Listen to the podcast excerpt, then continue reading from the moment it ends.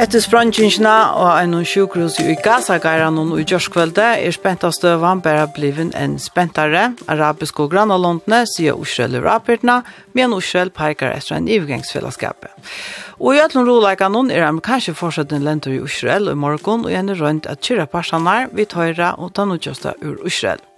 Og heimaflåten skal stolast ved en penige innsprenning, og man strykar undantaget for brukskild og så leis at lønneskip og trålare ikke kunne selja til makrelkvotene som drar få fra landet noen.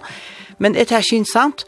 det spyrir vi politiske leierne i Storeflokken om i dag. Velkommen til Breddan.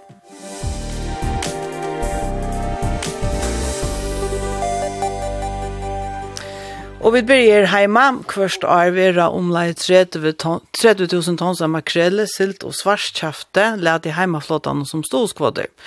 Ein par av hesson kvoter til trollarar hever vere, så igjen 2011, så igjen finko loino og gatnaskip, så en til 2019.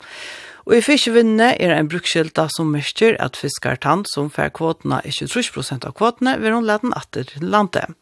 Jeg tror at det ikke løser seg ikke som flåta noen at fiske oppkjører fisk, hever man fra politiske sjøer, gjørst undantak for brukskjeltene, tatt at kommer til oppkjører fisk, så staten og idast her trålare, lønnskip og gadnaskip, ikke at fiske oppkjør kvotene selv, men kunne selge der først år til andre fiske.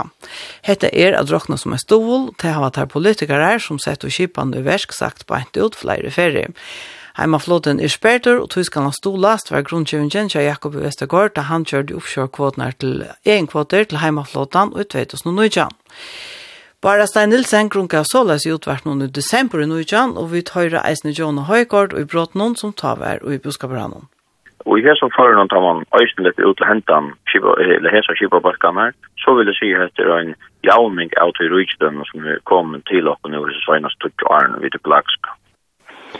Jo, jo, det kan så att si at man politiskt vill göra det här, men eh, det er ju bare här man tan han vinner politiker som är för som är richen, alltså det att han han fiskar en politik som är han vill i stora mån en en annan lokal så här man ska fördela när kronor händer in handlar in och det kommer man ju just vi bara sen checkar ut sen fyra. Eh i halvtid att i så mat blir vill söpla man bort stor vi vi att vi brukar vinn på det på samma man hälsa att det är produktivitetsvinn som är ju kursla från att vatten. Budskapet Rai hever og i åra vois heit av politiske myndleggene om alle det vera vi stola heimaflåta noen, til grunnene er nye fiskeier og flåten ber seg ikke. Her er for nek skip. Og i hestfragrensjene og i 22 stendet mittel anna såleis. Vanlige støvan og i heimaflåta noen, vi rinko urslyten noen frametter, hever finnes politiske skipanna til å fra inn atter av gamla slåer og i vid fra rundt om vita ikkje er halvbart via veita sol til heimaflådan. Stolen ver ikkje vetter som reier peninger, men ta kunti anda sama vere. Skipene og i enkeltum førun eisne fiskavirskir få utlåta makrelkvotor som de ikkje er før fiska, og i stegin selje hese fiskeratten til ånder at fiska. Heldur enn a leggja dent av at omsida fisketølfange borar dikt hever politiska skipan valgt av veita stål som makrelkvotor til skip og ikkje er utgjørt til a fiska makrel. Og det stender nøglund av det samme, og jeg fra grænsen i år kunne vi lette oss rett. Henne, Dennis Holm boer som kunne fra da han kom til at nå var livet, vi har vært en makrelkvoter til skip som ikke kunne fiske der. Det skal gjøres via brukskiltene, eisene, fevner og oppkjørfisken. Men i lånet som rave stender ikke om tem, han grunker så leis fyrt og upprettan og gjør. Det som hendte tar også for at, at krever gjerne brukskjeltan til dem som makrelen til heimaflåten, så betyr det at, at heimaflåten enten skal til at fiske der selv, eller skal han avhunda til noen annan, eller leta det til landet. Og uh, så er det som loven er i løtene, vi ser syrskattelovene som er en skatteloga som er knyttet av avhending av veiløven, eller veirettenden, så betyr det at hvis heimalåten for avhenda sin veiretten enda lott til lømsett oppkjørskip, så kommer det å betale skatter av det, og til skattenivået er 21%. Og det er det som er, er diskusjonen akkurat løtene i samgången er at, at tar man det gjort, en av som også skulle være stol til til heimaflådan, og i form av makrel, som i seg sjålen er sin til skjermest, eh, så held man det skarft at man skal fære brandskatt at han stod. Så jeg sier Dennis Holmland som smør i fiskvinn og malen og i Jarm. Og nå er Rott Vankforskvinna og i framsøkn, Aksel V. Johansen, Løkmauer, Bar Stein Nilsen, former Sjampasflosjen og Bein Johansen, former Føkaflosjen, kom i utvarsjona. Velkommen. Takk for det. Takk, Takk for det. Rott Vank, særskatting av løyver til endelig avhending. Det er en lov som ble gjort, for jeg tror ikke at man så avgjørte at man skulle kunne avhende hese her løyvene, endelig, som det året seg, så skulle det eisne skattas hardt. Hetta ligger tjatt her, og det skal brøytas i den som først brøytene? Ja, som Dansholm sier, så var det at diskutera i samgångene og i løtene, og så jeg tår ikke å si endelig ja eller nei, om vi færre brøyder da. Uh, Trobelagen er jo, altså hvis man, altså för det första är allt det här vi stoler till hemmaflottan. det är det är näka jox alt det är och och och og det, här vi hever sjån sønne søve, och det är en diskussion så självon. Och så är det att man säger ja men nu ska vi ha slottvisen här, det ska vara en brukskylta och det ska ut och ska man så hjälpa hemmaflottan och vi har släppa ävita och på en leliga mata så att man nu kusser färgerna hampliga uppåt. Men helt och visst man stryker det är undan det här så att det är nog för att sälja det. Alltså ska man stryka, jag säger, skärskattingen av tui, så det var skattet vi 20 prosent. Jeg halte til er og til er og grunnkjøvingar for jeg gjør det. Jeg halte eisene til grunnkjøvingar for ikke göra det. Altså, jeg, jeg halte at tantdiskusjonen, hun er ikke lio i samgången. Bara Steinelsen, det var tid som vil du heve seg her avsettingene inn. Hva talte du om at man atler strikkene? Ja, men nå sier det først at uh, ta det snur seg om at her vi det nødja rujtstum som kommer fyrir seg og tutja han sjøyan, så er det en spurningur og en diskusjon som nekk framme ta, hever etter avvurskan av okra bottfiska kvoter. Og det ser det ut til at det hever da, til å si at omkvar vi er brøyt, vi da nekk meir av pelagiskon månad, altså fløy tons eika, eh, samståndet som da viser at bottenfiskeren ikke er her, vi får omgang bottfisk, og det som Undarfarna samgånga hugsa vi tankarna sig okej. Nu vet det så löven heter en stol, det var vi pura öppen om, ja, heter en stol till hemmaflottan men jeg vet, må røyne av vinna dem om ånden retten der, å bytte om, så er det at Hvis de missa makrelen, så skulle de få bottfisk i stegen. Det kan være hvis bottfisken får en konfirskjatter, men tanken var at man skulle fære æra løyer. Det kunne være Grønland, Osland, Norra, altså hver var det. Og jeg vet at det er ikke nevnt. Tvørste med det, det ser trobult, vi gjør det i norska. Eh, men nå tar man så sier, ok, nå vil jeg at her heimeflåten skal avgjette her her, så er min spårninger, ta han så jeg kommer avgjette her her. Dette kan si han selger et løyve fire, jeg vet ikke, 20 millioner til øyngengs, og det er nettopp över det galt jo som vinningsbøyte, nå er pengene for ut av vinnene. Er det det som landstyr i atler, eh, vi at dette her kan selges år och år och år och år, så kan man varva at det er som en stol, til at det er en stol, det var underfor en samgang av pura åpne ærlig. Och då heldur man skal en stol? Ja, altså så langt som andre bottfisker er, og det sier jo for at... Men her, altså, vi sagt at grunn til andre bottfisker er, er at man har vet av stolen. Den ultimativa budskapartierien, ja, veit det godt, sier, nei, hetta må man ikke, vekk vi ødlom stole, men ta verd av en fatak vinna, og jeg har vi enda en vevn om, eller vevn vil ikke, er, er rockne vi som det alltid er at omkvar vi færa skifta, nu gong at han vinner på lagske fiskeren menneske førskene økje vi fiskan her og så gjør det bottfiskeren delar, men han kan om tøtjo så er det øvått, og hvis vi tar og slapper okken av i atlan han flåtan som kan få oss veta tilfående og atlan til ekspertise som er oppbygd og så gjør og så gjør, så har vi mist nek. Men ui så er hestfra grensen som vi akkur har det at brått ur er eisen ivlid iver gosse det ser ut, altså hva veian er og gosse grunneren hevda, Og man ser at det er nygengande, og tog jeg kjipene blir jeg ved verre, skjolt om fiskeren ikke er det. Ja, men jeg halte etter hånden, jeg halte jeg kvarskje, altså fiskefrøyngar, eller budskapafrøyngar, eller selja for fiskefrøyngar, jeg har ikke så øyelig illt av tog trusten som er av grunnen, så trusten av grunnen er månande, månande minni enn det er nekrande jeg vil fyr, men alloika av vistas til at det er ikke fiskur, så det er meira omkvarvi til å si hiten i sjøvnen, og omkvarvi annars, og ta pelagiska tilfåndjum, diskusjoner og selja. Det er hakkri enn nekrande, hvis du hykker et budskaparfrøyngar, Kvart hakre. Truste. Nei, ja, nei, nei. Vi hva er det, og hva vi fisker? Hvis du råknar ut fra utlåta om fiskedømme, så hikker det effektive veiene, nå minner ikke akkurat tølene, men lett å si at det ble kanskje, i minst halvt trus, trus prosent at de samla utlåta av døvn og brukter og så gjør. Så hvis du tenker til hatt fyrt tog, så er ikke, eller øyla løyde trus til det første grunnen av løtene, tog det røyna fiska, alle ærestans i herre fiskere få, tog bete gonger flemisk kapp opp, vi da finnes jo syndra av kvoten i Esgrønland og så gjør. Så vi først kunne sjå ikke er for det første løyde røynt, og for det neste så er det ikke få. Her her vi at stolen er en trobeleitja, tog man nyer fiska grunnanar til sida teg og i ødlomføren som sida vitt og faklia. Kvad, altså Axel V. Johansen, tid fjernes er her kvotnar årliga i Rattlanden, men så vil jeg de samsons gjøre en ordans penige innsprenningsnei fire. Kvad, kvad, er det godt å stola heimaflåtan? Kvad, Nei, det er ikke det vi vilja gjøre en ordentlig penningensprenning i stedet for Det Det er så leis om vi får fyrir atletveis tutsi, da vi oppsjåkvåtene blir av å veksa, og så er det voksne rettelig nek så gjerne. Jeg vet ikke om oppsjåkvåtene som var rettelig vel fyrir, kjente nekka penger, men heimaflåten kjente jo ikke. Så kommer det her inn, og nå får oppsjåkvåtene fortjenne oss, det er helt fav å kjenne nek, nek, moira, vi er det bare ikke verre og verre til heimaflåten. Det er sånn en avbjøving, men løsnen er ikke til tam, jeg får vite stål til heimaflåten, det er alt vi lærte av den kjønner forskningen, og fjersar noen.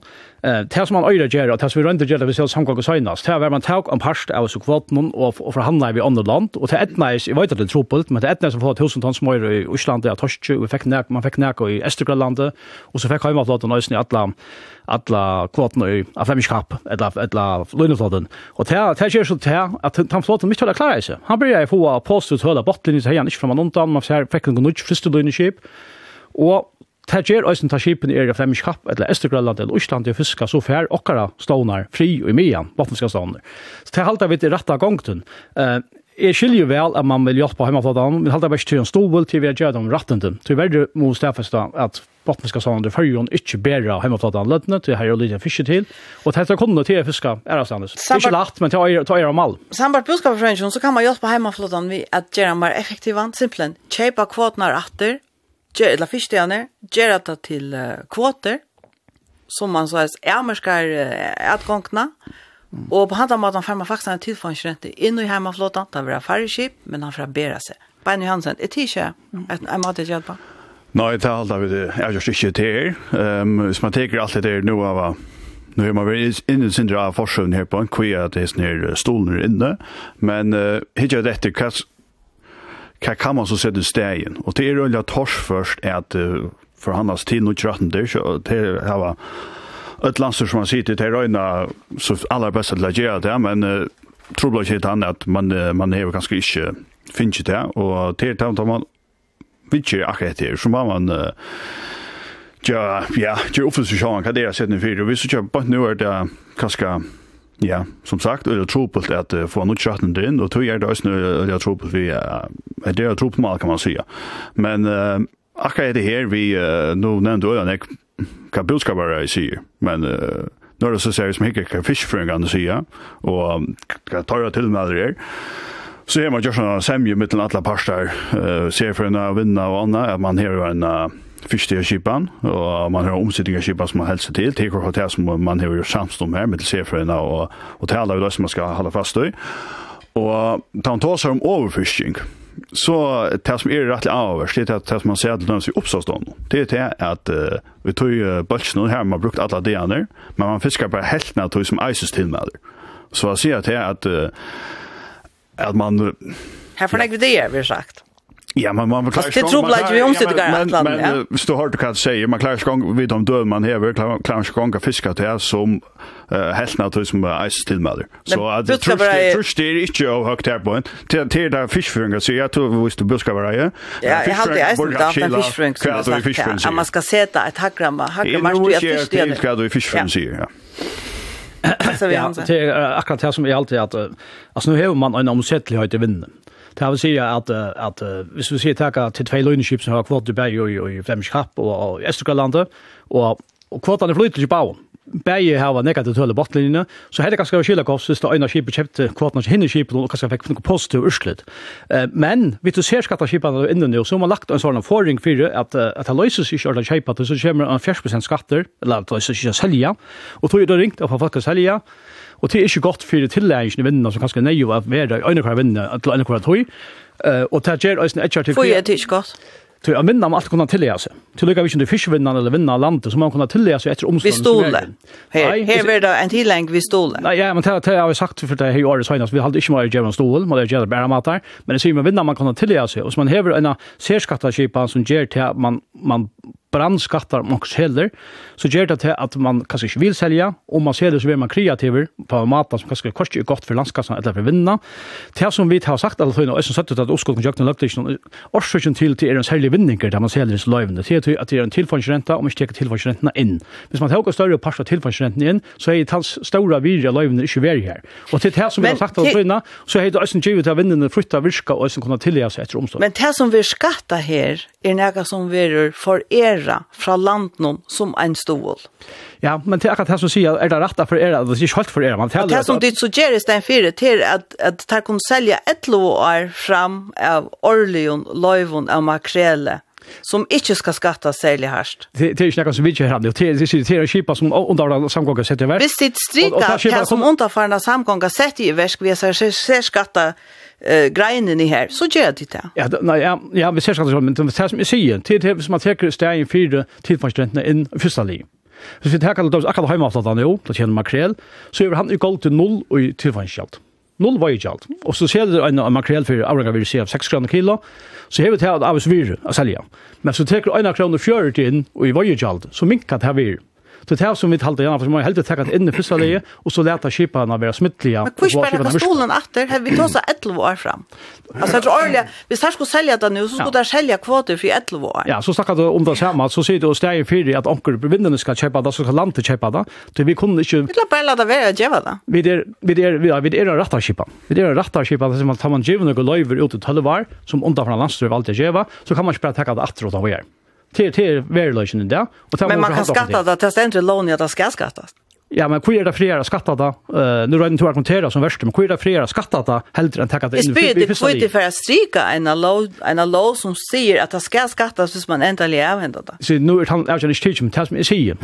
Så låtsas jag ett mer. Jag säger vi hålla det skilla bättre tacka till eh tilvarsnet inn av fyrsta lige helt enda av selda så så får man har sikkert pengar i kassen landskassa til nummer 1 og nummer 2 så er det smittliga skipa som inte får det for at man selger og vinner til det Rotvank og så bare Steinesen Ja, jeg vet ikke hva jeg skal si om det her. Altså, det her, det er jo en stol. Altså, du, man kan ikke, nå snakker bare Nilsen om at dette er for urvinnene. Ja, men altså, det er, Hetta er almanna hjálp sum man hevur giva vinnuna og nú tosa bara um at Ja, man gjever, man gjever heimaflåta noen tog bottfiskeren er så etla fire, og man bojar inntil han kommer fire seg atter det er naturlige brøydingar. Ja Og, og jeg ble jo sånn til bensjen da jeg hører til, til jeg mest til så eisne at i fatle oppe sjåa fiskeren vujtjer om noen år, at vi ta skulle inn og stola oppe sjåa vinne vi, vi bottenfiska uh, kvoten for ta, at kunne komme og noen, noen år. Vi, vi vanlig uh, oppe sjåa uh, fiske, altså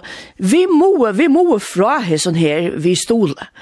Og jeg, jeg synes jeg synes at det er vi at jeg takker eh, altså ser skatten og fattelig mitt enda vi tog, så er det synes ja, det er en stål at uh, slipper dem noe undan denne her ser skatten men så er det synes jeg er det, altså uh, kanskje synes i familie vi, vi opphøytinger stål som man gav før, og hvis det ikke klarer at det kom fram etter på vanlige vinnelige vilkår, ja, men så har hever det hettar, og så så er det det. Ja, det er synes jeg en sånn Ta det kommer en miljard, sier jeg kommer til.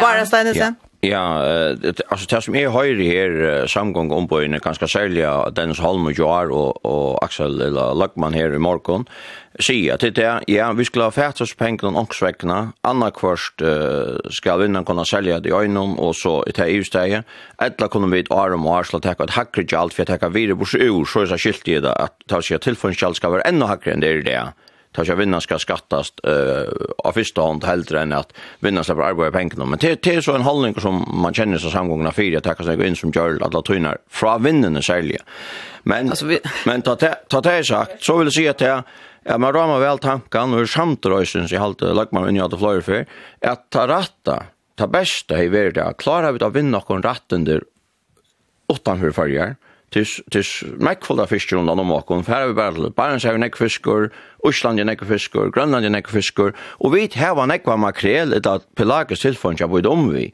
og mer vitandi er alls land nok so grøm eftir at fáa ta Så hvis vi vit at klara frá landsins søya við um so trygg ja flotan hevur noktur og uh, vet at finnes jo mest på seg for vinnene, og ikke minst at vi tatt varve at en gaua moderne flotta. Det som er hent, så er vi da givende stolen, er jo til at vi da finnes jo flere nødt fristlønnskip inn og så gjøre, og det ser ut til at det ganger vel, og til at det fisk av fjærløyen ikke under fargen, og til det som er retningen for fyrir heimeflottan i løtt. Beinur Jansen, du markerer. Ja, først, uh, Fyrst og til at vi tåsa øyne kommer, heter vi har man flottan stol, man fiskar ikke. Man har også minnet til at det er en det er kanskje en løyt parse av heimaflotan, som faktisk gagner det til for en SharePoint, og man har røst nå om at det er nybygninger av som er med eisne, i hevet til fire ei er gagner det av makrelen og til som man hever.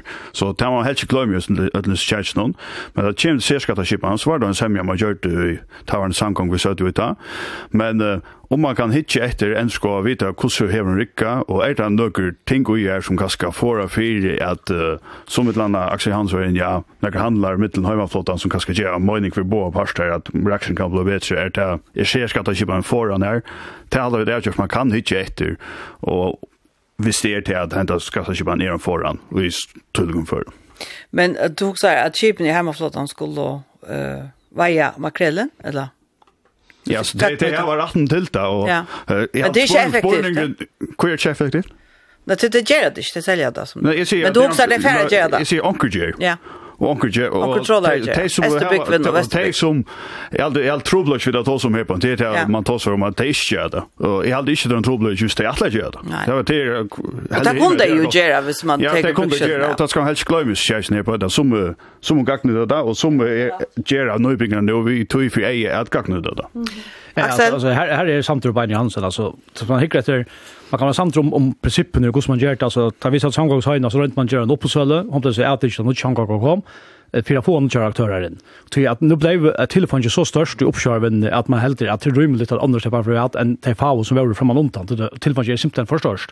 Eh, til bare maten man gjør det på, oppsønna ble så strika, men her er så jeg kan nødtjø da jeg kom inn, en fyra, vi oppsøver vinna, og så er det heimaflåten som finnes jo kvart her onker gagnøyta, og så vidt det vært hele jeg, ja, heimaflåten fikk kvart om det gagnøyta. Men til er bare til at det gagnøyta det ikke, ta er ikke selv ikke å vinne kjipen, da er man helt som, som vinner fra andre, helt ikke så etter at, uh, at jeg får retten til å velge kunden gagnøyta, så det er at, at jeg får vinne som, som det er nok ikke selv fører vinne. Hvorfor skal vi dork, lønnskipene? Men, uh, uh, Jeg spurte Hans Ellefsen i morgen hvordan man virus med Hvis man nå føler at man skal uh, selge til, hvis man skal fiske da, uh, endelig, så uh, er det noen år fram, og hvordan virus med man til, til får vi lukket på på her. Ja, nu har jag ringt att mäta om det, eller oversmätning, men alltså, man, man vill säga att det är alltså, Lundekip har sett sina kvoter till uppkörskip för det kan ta för hälften av landningarna, eller 30 procent av landningarna så i tryckfärden så är det tror jag att det är 30 000 ton som så gör ja, 50 miljoner. Så i rätt gör det ju ganska nära miljard. Men alltså här står det över ovisst. Prisen kan ju vara högre och eller vi har det att vi har det där majsa och nu vill det komma in vi tillfälligt till hemmaflottan och det är sån ny ganska men Men är det riktigt att släppa av vi? Sådana kvoter, är det inte något som folk gärna vill hända? Ja, det får nog i tryg och hur man så finns fiska alla kvoterna så det är ju inga problem att slappa av i. Att det blir också där man klarar fiska allt så så var det inga. Men kvart hej kvart hej landet finns ju vis landet helt till dömes. Ja, nu vidare vet ju hur snägt land det man man han ju så en tar ta i 16 till 19 och ta var priset kanske ännu högre det var mot 6 kronor kilo nästan 20 kronor kilo men det vet man så inte man säljer det så det kanske vara en högre priser tror jag priserna material är läckare. Men det tar det ganska mer än det är helt rysk procent vi snackar om, ja. Okej, man är sälta för mer än, än att det är helt när landgavin. Alltså, tror jag kronor till det. Det har visst sig då allt förrän vi uppe så. Um, en miljard cirka tåsar vi dom hvis uh, heimaflåten skal selja, jeg sier, et låare ratten den av amakrele som tar heva nu. Eh, Hans Ellefsen heldur ikkje at det skila godt å stola heimaflåtan hon, og han sier såleis om jeg ser peninginsbrennisjene som nu kommer, hvis jeg selger det utan av skatta. Ja, så det borde innførst en kvadripan, det minsta läge haft ett TAC, alltså ett mest, en mest lövde varje. Det står uppe i halvt sig först i kypan. Så det är ju slöjfölja boradrykt, det vi gör det. Det är simpelthen boradrykt på den här gammalta. Og kan det her forverre til at man nu gjør dem om man ser peninginsbrenningene? Alltså det kan ju göra att kapaciteten blir ännu större än han är i det. Och det fiskar ännu mer. Så framvis inte avsätter att det är marsk för att det kan fiska. Så, så blir det ju ännu mer fisk. Alltså vi Johansen visst det uh, ger det till. Nu vi har sagt att Tesla själv görs där jag är den son som att ha varit där. Men uh, för går så färdigt att tricha är att man inte kommer att uh, simpelthen göra uh, hemmaflottan det mer effektiva och nya fiska grundarna uh, visst det ger att de miljarderna Det är två imenskmal. Jag har ikke ordentlig å säga att ge var de miljarderna. Alltså støvann är i det här var rätten till ett hver frem Och tog. Og da kan sälja det kvar när. Och det har vi gjort av, ikke øtlån, men en ekvån. Og om tre år så hadde framveis retten til om 11 år framme tog, om man ikke gjør, og kan selge det hver nær. Så spørningen er, skal man si at man kommer til å så kjipene på kjellige og mater for alle parster. Til det er som man diskuterer, avgjør ikke tidsen enn. Hitt av fisk og fiskaboradikt er, er et annet mal, som vi har alltid ødelig samt om etter hånden, altså bæge kanskje man kjenner akkurat hva det er boradikt, men man samtidig om til nøye til fisk fiske boradikt, bare for å være sånne her, men også tror jeg at, at vinnene i det er underlagt noen krøv uh, fra MSC og annet, at man ikke hever den teip lavsteppene som man skal heve, så slipper man ikke av det beste marknaden på, det beste prysene som, uh, som vinnene som man vil heve og hever oppe bordet på. Rotvank, skal man seta et evstamark for hvordan ikke man kan fiske, eller hvordan skal man trytja at det her ikke bare ganger mer ut i, altså som har blivit halda loivis som flåtan som ikke ber seg, Hvor skal man trykke at det ikke ganger mer drivet av lufrøyla? Ja, altså i det, jeg har aldri havstående har sagt av flere for, vi har vært reelt fruktfiskarøy i løtene, tog fiske det av kjipan i det virker ikke, i overhøver ikke, regulerende, tog, tog, altså, ja, ja, det er ikke engang brukt det er det som er det. Så vi vet at her ligger et mål som ikke er løst, og i fall hette jeg haft vissar er at heimaflotten ble enn og, og effektivare. Altså, så, så her var vi en nødvendig trobleik. Men er det ikke det de gjør stola dit ikke den bare, vi tar det den som sier gjør, nå får, i stedet for å få stolen hvert år, så får det da i en. Det sier han ikke. Er det også samt om det? Ja. Ja, jeg, jeg vet ikke ordentlig. Jeg, jeg må selv si at jeg alltid at malet skal løses bedre. Altså, og tog jeg det jeg sier, at jeg, jeg får ikke si ja eller nei enn. Eh, alltså selja, nu er det är som sälja ska fyra halta med till så her särskatta låna om hon skall lukka som alltså man skal, man gör undantag i samband vi hemmaflottan eller inte. Jeg, jeg har ikke snakket greia nye støver. Bein Jansen. Ja, hva er spørsmålet nå, Laksans? Årsaker. Det var det vi uh, var i tusen om. Uh, ja, og så tykker man at uh, var i trus ikke for størst. Ja, altså, vi har haft en omsynning av kjipa nå, som er i halvtid hun kvar på tre år nå. Og det var semja man gjør til middelen uh, sefrøyene, eller havstående, vinna og politisk skipene. Og nu har hon virka i trojar, og i halte man skal kvartfalt leta henne få fria virka. Hon er så sett at uh, at han er det så, så reglerer man om fiskstierne skulle vekse eller minka i 5% eller stand sted. Og nu er hun så virka, i hadde tre år hun virker nå, og Jag hade inte att uh, vi skulle få bröd på att det är nu. vi hade vi skulle ladda det virka och løte et tre, så kan man hitje og enskå det. Ja, bara ja. stendet sen. Nej, jag, jag tycker det är bara en hattor och det är det vi vinner någon flera ratten utanför förskolangrundan här. Tycker att i det är det rättliga farskip efter, alltså blev vi bara, jag vet inte kanske 20 år efter tøyna, så är ganska hemma, alltså pertrolaflotten i minkar i helt, löneflotten tar samma, eh, och utdrar det mest som ånden efter och så vidare. Så, så det är inte, alltså jeg var jo all fiskfrøynganer, og nå nevner Beiner her at tar seg at jeg, det er så snakket deier til ratjøyt, men ikke en gang for da om døven og klarer man å fiske lengt fra til at jeg ser som har sett vi Oppsand og så gjøre. det.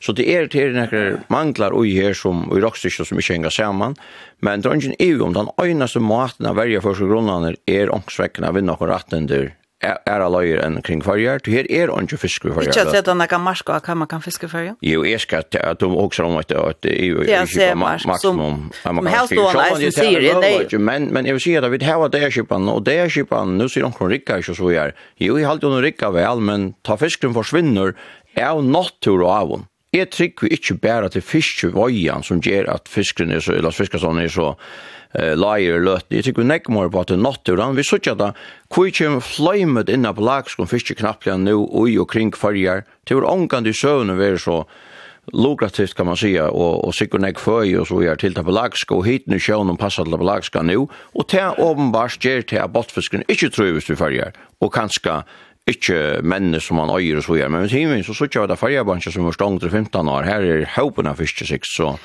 Axel Johansson. Och kan göra. Nu är ju hon någon någon låt ser för en grunko så kan det avska fiska sådana inte men det är nog rätt eller är det något som nu samtidigt bara för att det som är man är harst och faktiskt vid den konta sagt så är det bara naturen så han som spelar in hit in och sjön någon vad smöld annan men så hade ju trust alltså sådana bara spelar in eh tas man ganska är positivt så sen så är det har allt som Benny Hansson vinner ja att alltså två snutja fick man en omsättning Atlant så lås att och mer man först är alltså där fiske det när det var rock luctation här vinnan säger åt och helst hon säger något annat och så så stod vi politikere midt i mitten skulle välja hva man tror. Så her man finner en semje i mitten vinnerne og herstående, så att man røyner å snakke sammen med alt. Det er alltid rettelig viktig. Så det hever ikke det øyne som en tøtning at de bor at det ikke fisker. Det er alt avgjørende, men til øyne for vinnerne at man hever til godkjenninger man skal heve, så är at, at bor at det ikke godkjenninger, så jeg, man kan selge fisken at marsene man får beste pris. Her er det så sagt at omsidinger i Atlanten er problematisk, til man bare får flott 5 prosent, kvann veien. Ja, det ser man ikke i nøytja, men det ser man jo til at fiskestånden er, er, er jo kjær som man vant i dag er. Va? Og tog sier, sier man jo fra, fra omkron fiskfrøy at, at vi nå øye at uh, vi ikke fra oss i 5%, men først og på en vei, nå er vi ikke fra at hver av fiskestånden knapplega vekst opp etter at det tar også en leilig tilgang i 5% om år. Ja, Beiner Jansen. Ja, altså til rassen bare sier, og det er også en øyla tutting av fyrir okkon, at uh, vi da også røyne at at tøyne høyast i det tors først, at vi da vi kunne vinne flere retten til av fjerløyen, så er vi da også minkum trusti av fyrgrunnen. Men man har også minnet til det at det er også naturlig årsaker til at uh, bakfiskastånder minkar, og det er det alltid verre, kan man sija. Uh, det er slupptøyene vær, det var vare trus måneden minn enn det er det. Det er for slupptøyene til Oslands, Grønlands og fiske. Så det er ikke noe nukt at at det er også notter gynnar årsikker som gjør at det at at det ikke er samme fiske her i Førjon som det annars er, og det er kanskje også vursi at uh, Førjagrunnen sjolver uh, ber nok ikke heimallflottas mer, så tog er det også nøyre tydning av ikke at vi røyne er vinna fløyrattender utenfor ta og hetta mal kom fram i 20 om at uh, underfarna samgånga uh, vilte brøyta lån og så er samme kundi avhenda løyver endalega og man så eisne sette seg enda serskatten inn. Ta to så høgni høydal om at hvis det så skulle seljast så skulle det gjera noen skikt og enn allmenn og marsnæg Aksa vi Hansen hadde nega tankar om det hvis, uh, hvis det nu hvis jeg nu var trusla selja avhenda til endalega Ja, altså, det, det som er avkjent for Janar flotjen, det er alle er vinnen. Det lukker vi ikke til fiskvinna, alle vinna, et eller annet, det er handsvinna, et eller annet, bitjevinna, til man hever en fria kapping. Og, og det var ganske en årsø til at jaunare flokken for noen æren skjene, var, var, var vi jo på at det var en oppåsøle, her alt kom til til så færre nu, til man giver løyven ut, til det var takk men det ikke atter. Men tar man seler retten til, så er man trykker og ser at det er møller 24 en javnere kapping, og her at kunne bjøre seg fram som her var av. Og til flere mater gjør det på, da en maten er test hos inn nå som man kan høyte alene, da at det var en åpen marsjene hvor man selv til kjøkkenen, så at kan bjøre inn. Til å snakke vi antitrostregler og annet, så leis at det ikke er en mishavning som vi sier eh ikkje berre fiskevinn at det kanskje nokre større større røy så ikkje løsna så til tvei oljefelle tvei trykkarfelle og så er. Er man sørger for at at det er ein ein, en så sunn kapping som mulig det trykker det beste for vinna og øsne for for folk. Du sa, några mening om det? Ja, jag hade smittlighet om sättlighet hever øyla stor antutning och akkurat om det ska göras att det lukar som en, en allmän stående ska omsida til sölna, det er vi ikke rörliga största meningar om. Det är ikke annorlunda på kurser hva för tjeiter man setter till det, men det som verkligen hever tutning till er om sättligheten är att vinnan kan tillägga seg, och i så måte är den här särskatalogen inte särliga hjälpsom och i så måte. Ja, vi vet at vi fattar at vi skulle ha om sedla kipan og det var det som det, og han hade skulle halda fram, så säger jeg at man kan och vinne alt i, som Rått Vangar sin, ja, tillega seg etter tøys man har for det som er vinne halda sjálf vi best for sjálf. Men hva er du også alt dømes hvis man gjør det enn kipan her, det gjør ikke mye, gosset her selger mittelsøyn, altså, altså, Alltså det är en par sjösnö i ösen handskaper som jag minns till. Och Og det er ferdig til å oppsønne at alle vet ikke til en rødt løy å køre. Nei, jeg også, ja. ja nei, altså, det er ikke ivig om at det ganger handler for seg det og daglig. Altså, først unna vøren hitja, så var løyvene flott, og det er flott det og daglig, og vinnene, og, hon, og det fungerer vel, om setløyden er fullkommen, og så gjør det. Så er det ikke sånn hvor man nå skal føre skipene, og nødja skipene at det er en allmenn portal eller hva det skal være. Så det er jøkken ikke det, og vinnene optimerer alle tøyner. Hun gjør alle de tøyner som er best for vinnene. Og, og ikke for å selge det bøyligere enn til han kan få av fyra. Han försåg det ger optimera att tøyna få som mest fyra sin ratten där. Och ösny det över handlar gjort här då flyter kvotter i mysk fiskarslö eller i deier, dagar løyen og så videre. Så det tar gånger om sätla fyra det som skal være vinnen hun skal ha smittligere mittliga omstora till det altså. Så en allmänna som du ikke såcha er nej. Helt ikke da man ger så är avhendingene avhändningarna som det vill året. Nei, det er jøkken skikt. Det er skrasett, og det er dagførst enn jeg var en daglig, så det er du ikke så ikke skal ha en allmenn portal at rett. Nøkker, det er så, en par avsnitt er at nøkker av avsnitt feller noen eier, altså, jeg sier, makrell kvotnar koma til Løyvis Havard Lundskip og onkt gjør det som som eier det som eier oppkjørskip. Ja, men helt tar vilja jeg selja, hvis du, altså tar vilja jeg sånn selja det som er best for samla og vinnerne kjøsær. Ehm, ja, Axel Johansen? Nei, nei, altså til, til som sagt er det flere måter å gjøre det på. Det er tøtninger er mye at er det av kappingen er betale en kapping, og hun så fri som mulig. Og her er det også noe som mitt landa, hvis man helter at det er nøkker, og til det er det visse så er det, så jeg finner noen mishavninger, regler, eller antitrostregler, så det er det ikke noe holdt fast som kjøper alt opp. Og det kan man alltid hitje etter som man helter til at det er en avbjørn og kappingen kyrkan er vel, så er det nutcher aktörer eller det smarri aktörer inte har några mål att kappa så kan man för få en mer jämna kapping alltså alltså inte sluka reglerna och så framvis. Att ända så som vi börjar sen vi så har vi budskaparaje flyr för vi ut och sagt vi måste göra hemmaflottan. Borde det ganska så att han ber sig och här faktiskt en tillfällskänt och man kan faktiskt tjäna på att istället för att jag ska upptälla till flottan. Färra tid, Axel V. Hansen, färra tid att göra näka för att, för att omkipa heimaflåta? Gjør det mer effektiva? Uh, nei, altså det er uh, den store erbjørn som er verre i heimaflåtan er nok til at uh, at det er ikke er rad til at det ikke om til man har kort ved underskott i gods er ikke alle hjemmeflåte, men store part hjemmeflåte så gjerne 2005, 6, 6, eller her alai. Så at for bakken skal sånn her være sitte fire. Og det som det snur seg om, at det er sånn at man kan vågne og gjøre det som man kan gjøre for å få baffinska ståndene fyrir seg atter, men det er så ikke det å være så lett. Så jeg tror ikke at de har retten til ærestene som får det til, så er det få en påstå og rakser som man ser med et landa, parstvis i løgneflatan, her vil det finne flere nudj, eller nudjare, friste løgneskip, at nå må finnes jo positive rakster. Og til det som det snurr seg om, til det gjør at han tar nøye ved vei og mødekaner, løgneflatan har alltid heftet bonnene bedre det han heter for for sjøene, så gjerne, så er det kanskje at han, altså utdrarflatan er det tro på det gjerne vi, så det kommer ikke færre fjerdøyer, og så er det pertalarne som er ytla fyrir til at det er minne minne oppsu, oppsu av fiska, og tar her ikke ratten nekker ræstans. Ber det til at jeg har ratten nekker ræstans, så at jeg ikke kunne få en kjellag av rakstrøy. Rosvank, man må ikke ståle dem og se det hvis man skal få noe godt på sjur. Hva er det helt da? Nei, jeg, altså, til så rævlig enn ikke som fire ganger det, som jeg ikke, i prinsippet, ikke tar ikke vi, altså, Eh och och jag det har det tås om att man ska satsa på vejratten det stanna och det är ju väldigt fantastiskt. Det visste bara över öla fastlast och det är ju ettnast inte i i några stora månader går sig att skaffa vejratten det stanna och så ändå så var man att ett bottfiska stånande komma fyra skatter. Eh Ta ratta hei veri a gjørst okkurst fyrir a finnje. Så brøtta? Ja. Gåse? Ja, alltså vi vi ger att rätta. I allt det första steget är nu att vi täcka maxellstolen ut ur ur vinden. Vi det så börjar ju vi att att lägga lägga tillfanges chalt och hemmaflottan isne och att man lägger en brukskyld i och hemmaflottan isne så läs att det är stolen och sökna vi utfasar. Så det är en början. Ja, alltså Axel Thomas kan lucka. Men det bara vi uttalar håller det sopt och det kan till några rätt alltså det tror och centrala Östergötland eller Flemish Cup och så framvägs.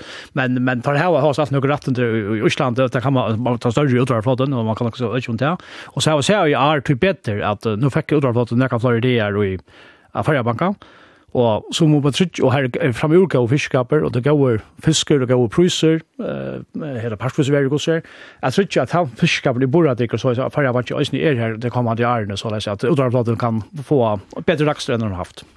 Ja, Beine? Ja, alt det man tar som hvordan man kan enten å kjøre, så er det skilta ikke okkon eller det som vi skulle i politisk skipan til først fremst at uh, skapa karmaner og også røyne er å vinna røyne er å vinna uh, flore ratten der av fjærløyen, så må det være opp til å vinne at Arne resten av fyrir så å si. Vi da ser at det er kommet nøkker nøkker skipen i Høyaflotan, vi synes at det er nøybygninger ved.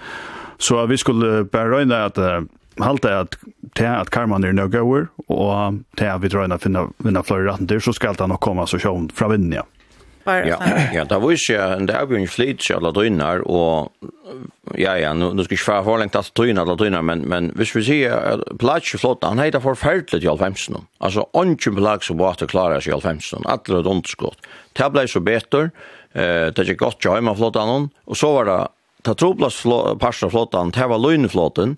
Men så gjorde man noen ting här och fiskeren och fick och äkong da fjärlöjn och så vidare. Och nu är det Pertrola flotten som är den största hevur ta største avbjørn, jeg tror ikke fisker til persalarna få, så det var ikke flyta seg alla tøynar og Man kan si, ok, hvis det er är som finner rätten och så är. Ja. Det dröjnar vi alla jeg jag vi alla samgang og vilja til å ønske til, men det er ikke nevnt, Men nu har vi vært ett öliga stort rygg där man plagskon, og til man så rönt där vi är ute vid stål ved tøy, og hei man klarer å bytte om vi land så er det at det ser parstene av flådan som ikke klarer, så kunne få retten der ut i høymen. Det er jo det beste.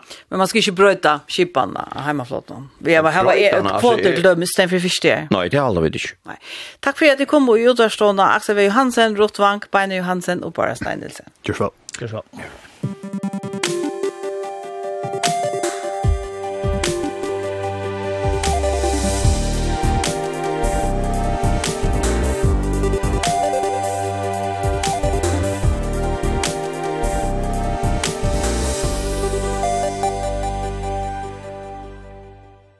Så færa vi til Israels og Gaza-geiran. Tui i nekva ofrinen som hefur veri seinaste dianer, var en stor sprenging av en sjukrahus i Gaza-bui i Gjørskvölde.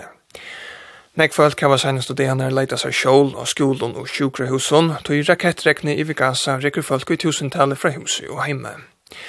Tui eldre sprengingen i Gjørskvölde eisne til at flere hundra folk døy jo. Stått etter sprengingsina, var en ekv av arabiske grannalanden og Israel skjått at letja skuldene av Israel.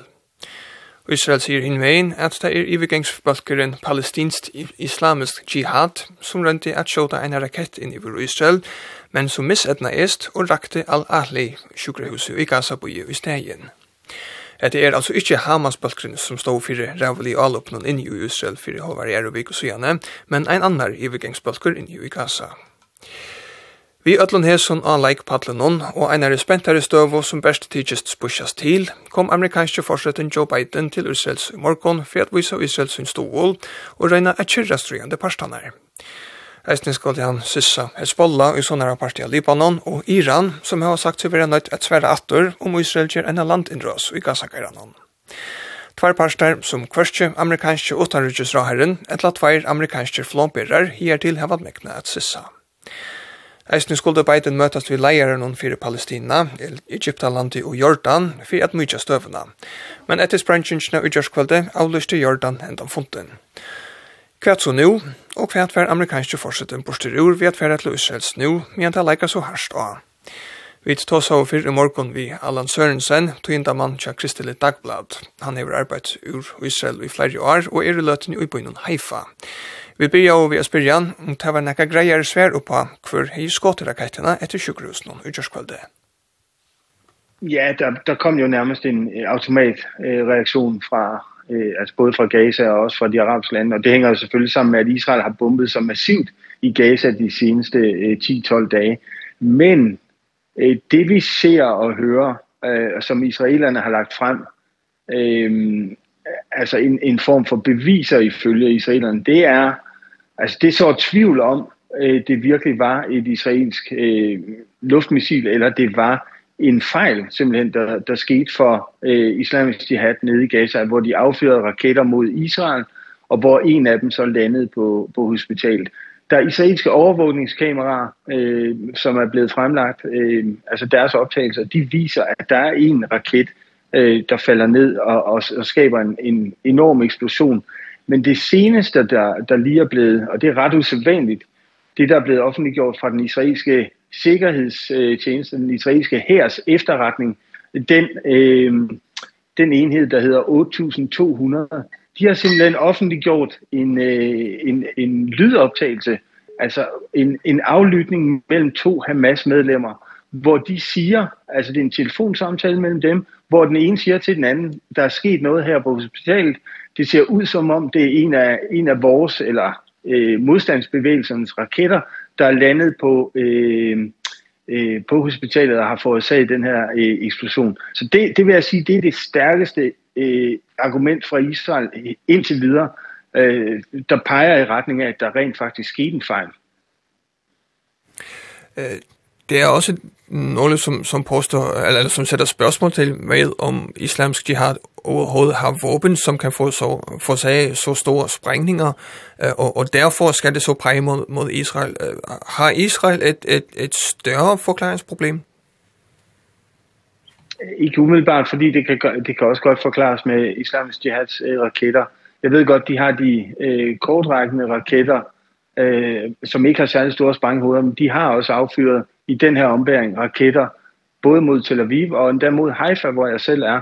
Og der er altså et sprænghoved øh, øh, på, på øh, langt over 50 kilo, hvis ikke 100 kilo og over det, øh, samtidig med, at vi skal tænke på, hvis missilet ikke flyver hele sin rute op til Haifa fra Gaza, så er der stadigvæk en masse brændstof omkring, eller ombord på det her missil, hvilket selvfølgelig vil, vil gøre eksplosionen større. Lad os sige, at det kun har fløjet øh, 10-20 meter eller, eller 200 meter, Ja, så er der masser af, af sprængstoffer, og der er masser af, af brændstoffer også på, omkring den her, eller på den her raket.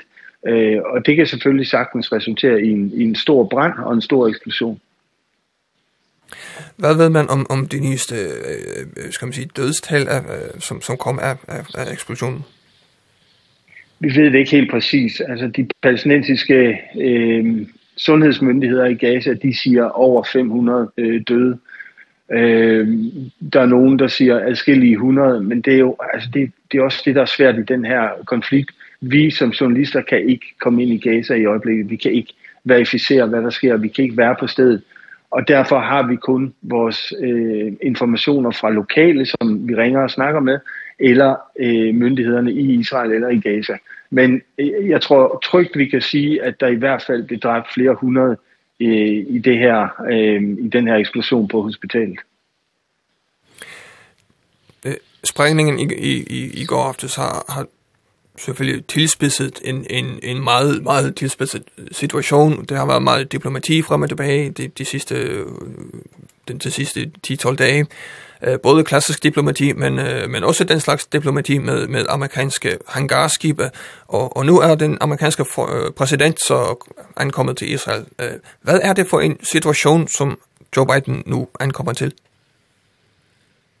det er det største udtryk nogensinde, det bliver det i hvert fald kaldt i Israel, for øh, det er den største sympatierklæring fra en amerikansk præsident i Israels historie. Øhm, han kommer på et tidspunkt, hvor Israel er, er i krig mod Hamas, men også på et tidspunkt, hvor, hvor man frygter, at, at situationen i resten af regionen kan, kan eskalere. Og det er det, der er det vigtigste ved Bidens forsøg. Altså at han, han kommer, lad os sige, at det kun var en krig mellem Hamas og Israel, så vil Biden aldrig komme til Israel, fordi det vil Israel kunne klare selv. Men USA og Israel er begge to klar over, at det her med Hezbollahs tilstedeværelse i, i Sydlibanon og med Iran, der, der dagligt i øjeblikket truer Israel, øh, endda med, et, øh, altså med at angribe øh, Israel selv, øh, der er forståelsen, at det her meget, meget let, øh, og hvis en af parterne øh, tager et fejlskridt, så kan det let udvikle sig til en regional krig. Og det er derfor Biden er til stede i dag, og det er også derfor de amerikanske hangarskibe er, er trukket ind i Middelhavet. Øh, hvor reelt uh, er, er den frygt for, at, at, at, at konflikten breder sig uh, med, med, blandt andet med, med Iran? Jeg synes, risikoen bliver større for hver, hver dag, der går. Dels fordi Hezbollah fortsætter med at angribe ind over den israelske grænse, Ehm og, og rammer og sårer og dræber israelske soldater og også civile. Øh, og Israel svarer igen, men det er stadigvæk ikke op på krigsniveau. Det, er, det er noget begge parter. Altså, det er som om, de puffer til hinanden for at markere, men det kan jo meget, meget let, øh, øh, altså der kan jo meget let ske en fejl. Hvis Israel for eksempel kommer til at bombe et sted med mange civile, jamen så, så, er der, øh, så vil der finde en eskalering sted.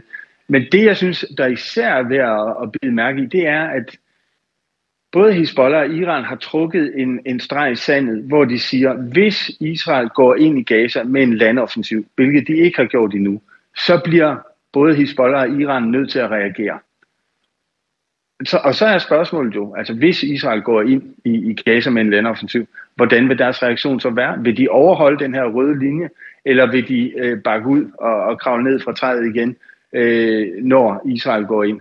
Det er der ingen, der ved, men det, der er ligesom blevet trukket en streg i sandet, øh, og den bevæger vi os hen imod. Øh, for hver dag, der går, kommer vi tættere og tættere på den her streg, de har trukket i sandet. Og så er det jo op til dem, om de vil gå ind i kampen, eller de ikke vil. Man har nu i flere dage ventet på den, den, den, den israelske skal man sige, landoffensiv i, i, i Gaza. Er det den trussel, som, som gør, at, at Israel holder tilbage? Jeg tror, det spiller en rolle, ja. Jeg tror, der er andre ting, der også spiller en rolle. Øh, og det er blandt andet, at, at hele situationen omkring de gisler, der sidder øh, taget til fange inde i Gaza, altså de omkring 200, måske endda 250 israelere og øh, fremmede statsborgere, Jeg tror også, øh, at det spiller en rolle, fordi den israelske regering har taget en beslutning hen af den, altså i løbet af den her uge, om at gøre øh, øh, løsningen på gisselsituationen til, en, en, til et erklæret mål øh, for den her krig, som er i gang.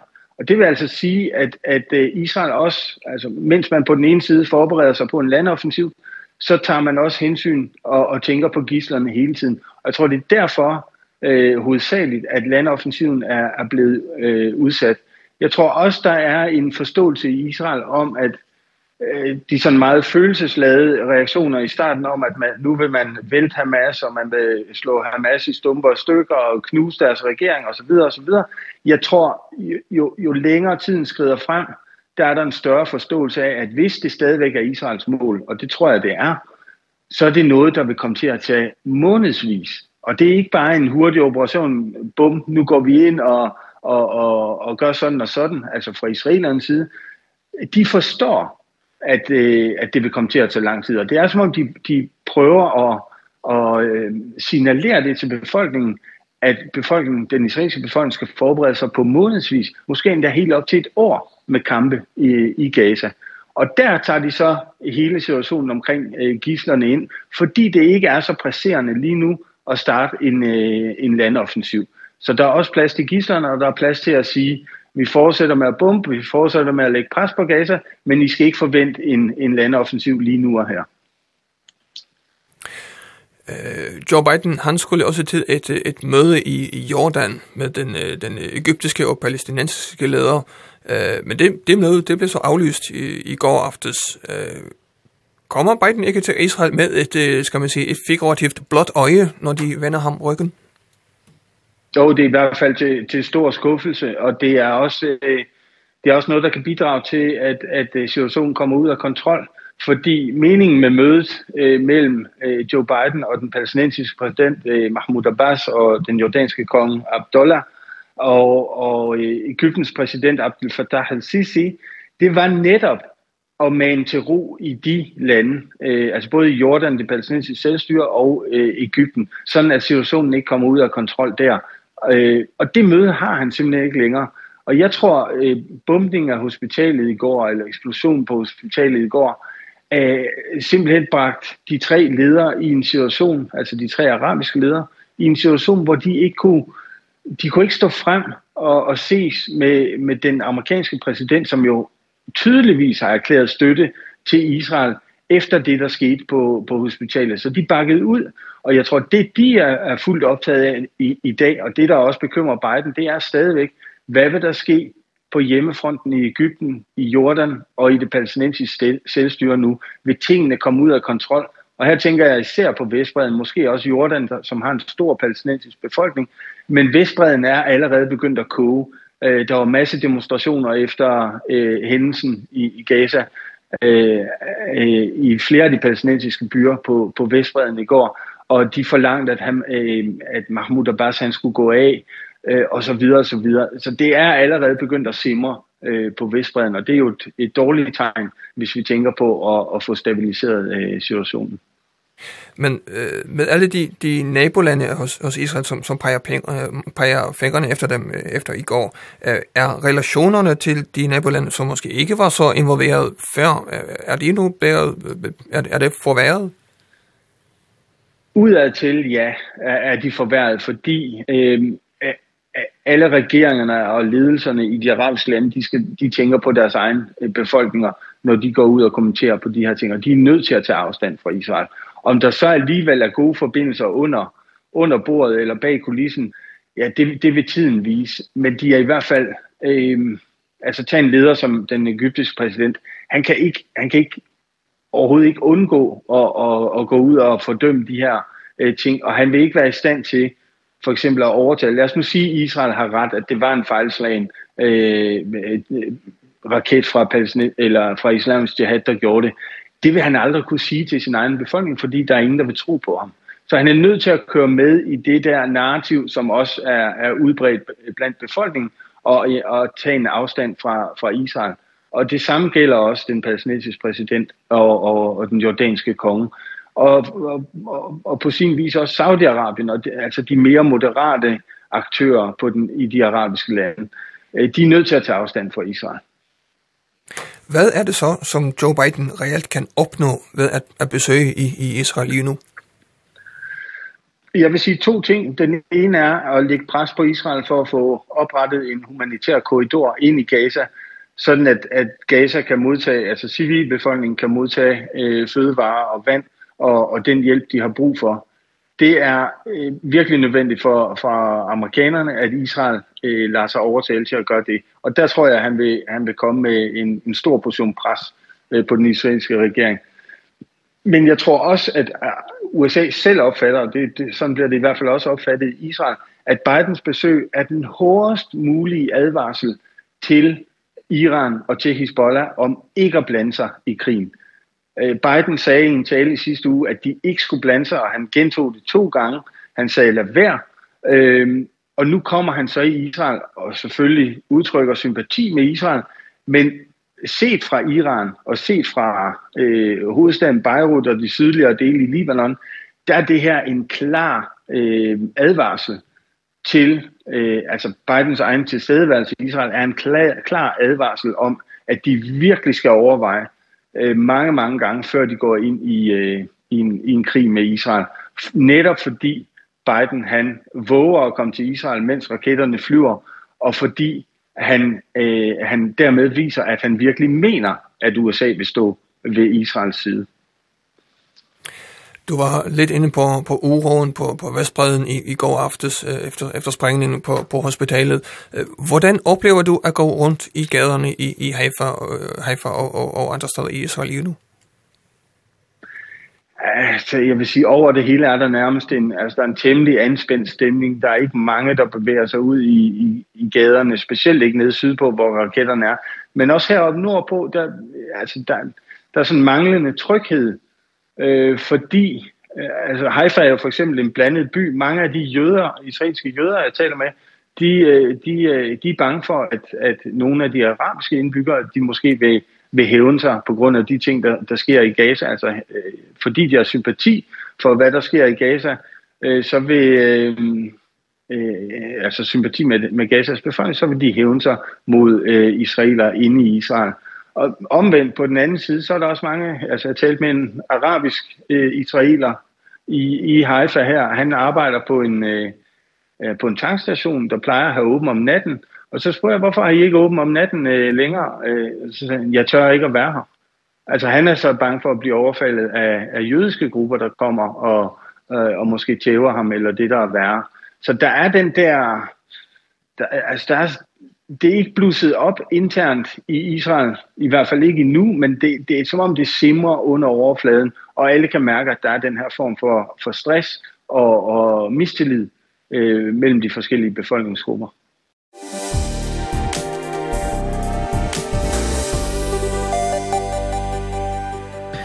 Og vi har då Allan Sørensen som er stator i Haifa. Hatt av at vi tøtt av brettan i det, om en av løtå vi kjente ikke en tøk som pottvars på heima så jokkara. Bretten vil eisen i kjentor etter tøyntene klokkan 6. Hevet du vi mersingar til sendingsna, hos god til evne i et lett prei, send dere en teltepost av bretten kurla kvf.fo. Av bredda redaksjonen i UT var Rott Winter Poulsen, Trøndur Olsen og Marion Dalsgaard som eisne var redaktører. Teknikere var Øssur Ekholm, vi var atter vi nudgjom bredda og i morgen klokkan 12.